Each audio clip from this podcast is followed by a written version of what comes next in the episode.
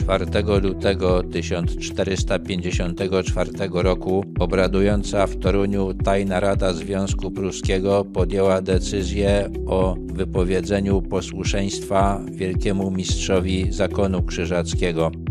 Zebrani podpisali stosowne pismo, które posłaniec zawiózł do Malborka. Wielki mistrz otrzymał je 6 lutego. Związek Pruski skupiał mieszczan oraz szlachtę mieszkających w państwie zakonnym, dążących do obrony swoich praw i przywilejów przed krzyżakami. Związkowcy domagali się przede wszystkim obniżenia wysokich podatków, zniesienia przepisów krępujących wolność handlu, w szczególności obowiązku posiadania pozwolenia na handel zbożem oraz powściągnięcia nadużyć zakonnej administracji.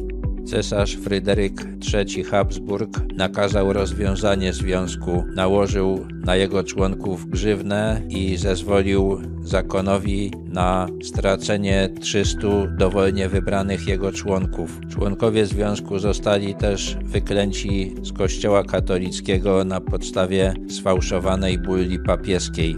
6 lutego w państwie zakonnym rozpoczęło się powstanie. W ciągu miesiąca opanowane zostały niemal wszystkie miasta. W ręku zakonu pozostały jedynie Chojnice, Sztum i Malbork.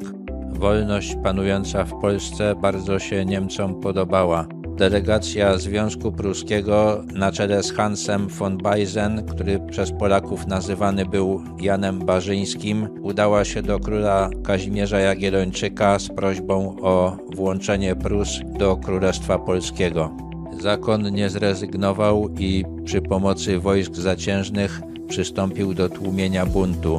Król Polski wydał akt inkorporacji Prus do Polski i stanął za Związkiem Pruskim.